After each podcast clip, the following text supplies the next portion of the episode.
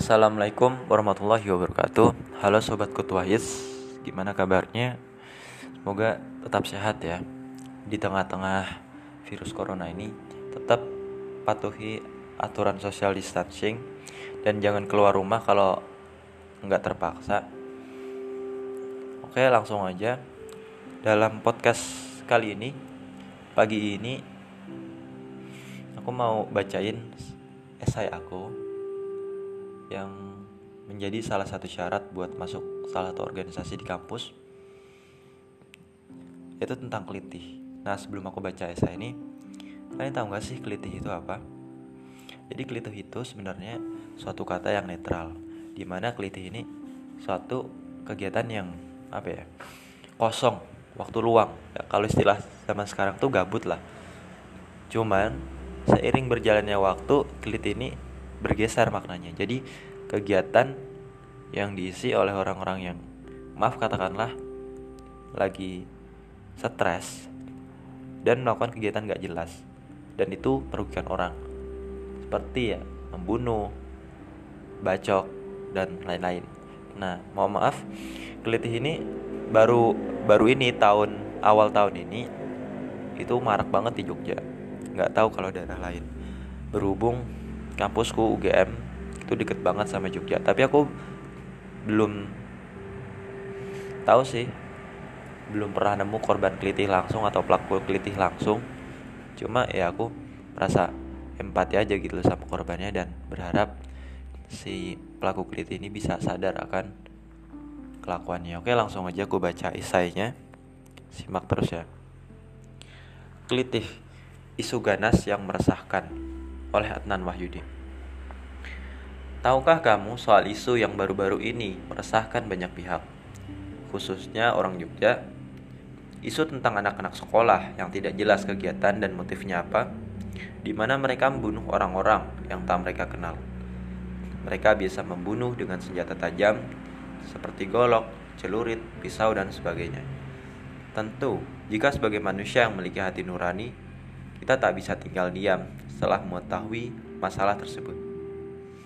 Istilah keliti Mengutip harian Kompas, tanggal 18 Desember 2016, dalam Kamus Bahasa Jawa S.A. Mangun Suito, kata kelitih tidak berdiri tunggal, tetapi merupakan kata ulang, yaitu kelitah kelitih.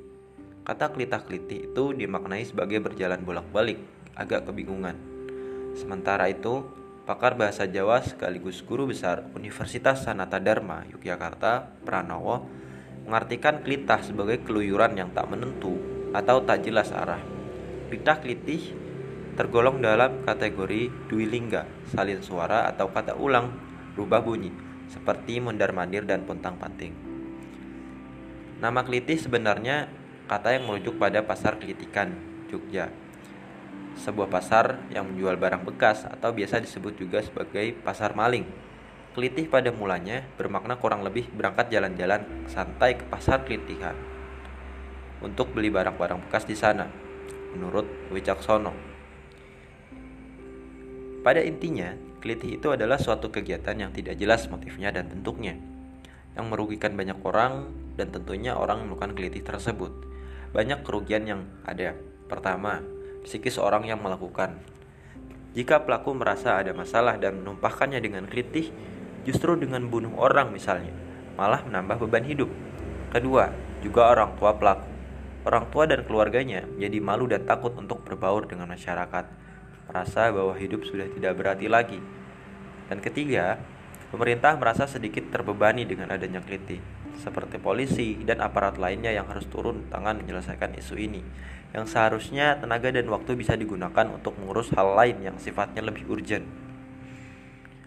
Kasus Kliti Merunut arsip harian Kompas, kejadian kriminal yang melibatkan remaja pernah muncul pada tahun 1990-an. Belakangan ini, istilah keliti mulai marak di pemberitaan media sekitar tahun 2016-an. Pada tahun 2016, itu tercatat 43 kasus kekerasan yang melibatkan remaja atau rata-rata tiga kasus per bulan. Salah satu contoh kasus menurut Wicaksono adalah pembacokan yang dilakukan sekelompok orang di Jalan Kapten Pierre Tendian, Korban selamat namun mendapatkan puluhan jahitan.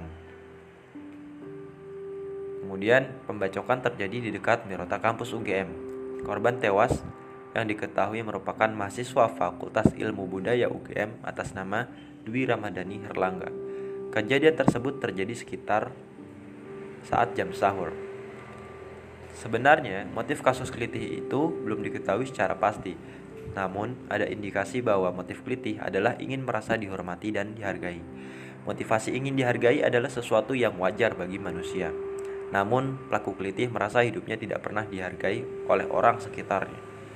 Merasa tidak dianggap, hingga akhirnya memberontak dan mencari teman yang senasib. Lalu membentuk geng, tetapi tanpa embel-embel suatu perkumpulan, alias menyamar diri sebagai orang biasa, bukan pelaku kelitih. Selain itu, motif kelitih bisa karena dendam pribadi, juga unsur-unsur yang terkait dengan kelitih seperti politik, ekonomi, hukum, budaya, pendidikan, dan masih banyak lagi. Efeknya memang tidak secara langsung, tapi perlahan hal itu merusak tatanan nilai yang telah dibangun oleh para founding fathers kita. Bagaimana sih hukum Indonesia tentang kelitih? Nah, hukum Indonesia mengenai perlindungan terhadap anak dari penyiksaan dan hukuman yang bisa dinilai terlalu berat. Hal ini selaras dengan putusan Mahkamah Konstitusi atau MK yang menyebutkan Batas bawah usia anak yang bisa dimintai pertanggungjawaban pidana adalah 12 tahun. Sebelum putusan ini, menurut UU nomor 3 tahun 1997 tentang pengadilan anak, anak yang berusia 8 hingga 18 tahun dapat dimintakan pertanggungjawabannya secara pidana. Jika yang dilakukan anak merupakan tindak pidana berat dan dapat diancam dengan pidana mati atau pidana penjara seumur hidup. Pidana yang dijatuhkan adalah pidana penjara paling lama 10 tahun. Pidana penjara yang dapat dijatuhkan pada anak paling lama setengah dari maksimum ancaman pidana penjara bagi orang dewasa. Terkait ancaman pidana minimum, minimum khusus pidana penjara tidak berlaku terhadap anak. Secara moral, ketentuan tersebut menjadi bahan yang juga kontroversial. Sebab kasus kriminal pada anak-anak yang dikategorikan kelitih ada yang tergolong berat, yaitu membunuh. Lalu kita akan beralih kepada penanganan kelitih. Sosiolog kriminalitas UGM, Suprapto, menuturkan, ada persoalan yang mengkhawatirkan di balik aksi yang dilakukan anak-anak remaja ini. Untuk itu, penanganan kelitih tidak bisa dibebankan pada pemerintah atau kepolisian karena upaya untuk memutus rentetan peristiwa ini harus dimulai dari tingkat keluarga dan komunitas. Penanganan perilaku kelitih jangan dibebankan hanya pada pemerintah atau kepolisian, Tiap anggota masyarakat harus merasa bertanggung jawab untuk itu, ucapnya. Ia menyebut bahwa lembaga sosial dasar, utamanya keluarga dan sekolah, perlu turut berpartisipasi mencegah perilaku kelitih. Jika keluarga memenuhi fungsi sosialisasi budaya, nilai, dan norma serta fungsi perlindungan, maka anak-anak ketika mendapatkan perlakuan tidak nyaman dari pihak lain akan datang pertama kali kepada keluarga. Di samping keluarga, lembaga pendidikan juga memegang peranan yang tidak kalah penting. Kegiatan ekstrakurikuler di sekolah bisa memberikan alternatif kegiatan yang positif untuk mengisi waktu luang para siswa. Meski demikian, kegiatan ini sebaiknya selesai di sekolah sehingga anak-anak tidak memiliki alasan untuk menghabiskan waktu di luar rumah selepas jam sekolah. Di samping keluarga, lembaga pendidikan juga memegang peranan yang tidak kalah penting Kegiatan ekstrakurikuler di sekolah bisa memberikan alternatif kegiatan yang positif untuk mengisi waktu luang para siswa. Meski demikian, kegiatan ini sebaiknya selesai di sekolah. Selain penguatan moral dari keluarga dan lembaga terkait, ada cara yang lebih efektif dibanding dengan itu semua. Pertama, mendekatkan diri dengan Tuhan. Jika kita dekat dengan Tuhan, pasti kita akan mendapat cahaya terang yang akan menerangi hidup kita. Sesulit apa pun hidup ini akan terasa mudah. Selain itu, beribadah juga sarana penghaban kita terhadap Tuhan. Juga sarana bersyukur atas nikmat yang pernah diberikan. Kedua, pendekatan psikologis pelaku. Jika kita kenal dekat dengan pelaku, bisa kita ajak diskusi empat mata alias privat. Atau bisa ajak makan bersama sambil diskusi, tentu dengan kalimat yang halus dan tidak menyakiti pelaku. Kemudian, pengaruhilah pikiran pelaku dengan kalimat positif dan buatlah komitmen bersama untuk tidak lagi melakukan keliti. Ketiga, membangkitkan rasa percaya diri pelaku. Karena pelaku keliti adalah orang yang tidak percaya diri. sehingga tidak paham akan potensi yang diberikan oleh Tuhan. Kita bisa membantu pelaku menemukan potensi dan bakat, sehingga dari penemuan itulah diharapkan pelaku bisa mengembangkan hal tersebut.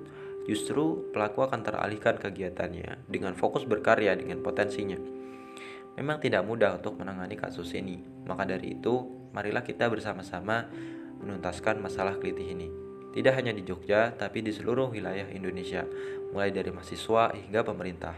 Mari berjuang membuat negeri ini aman dari kegiatan yang meresahkan banyak orang, seperti kelitih. Nah, itu tadi pembacaan esai aku.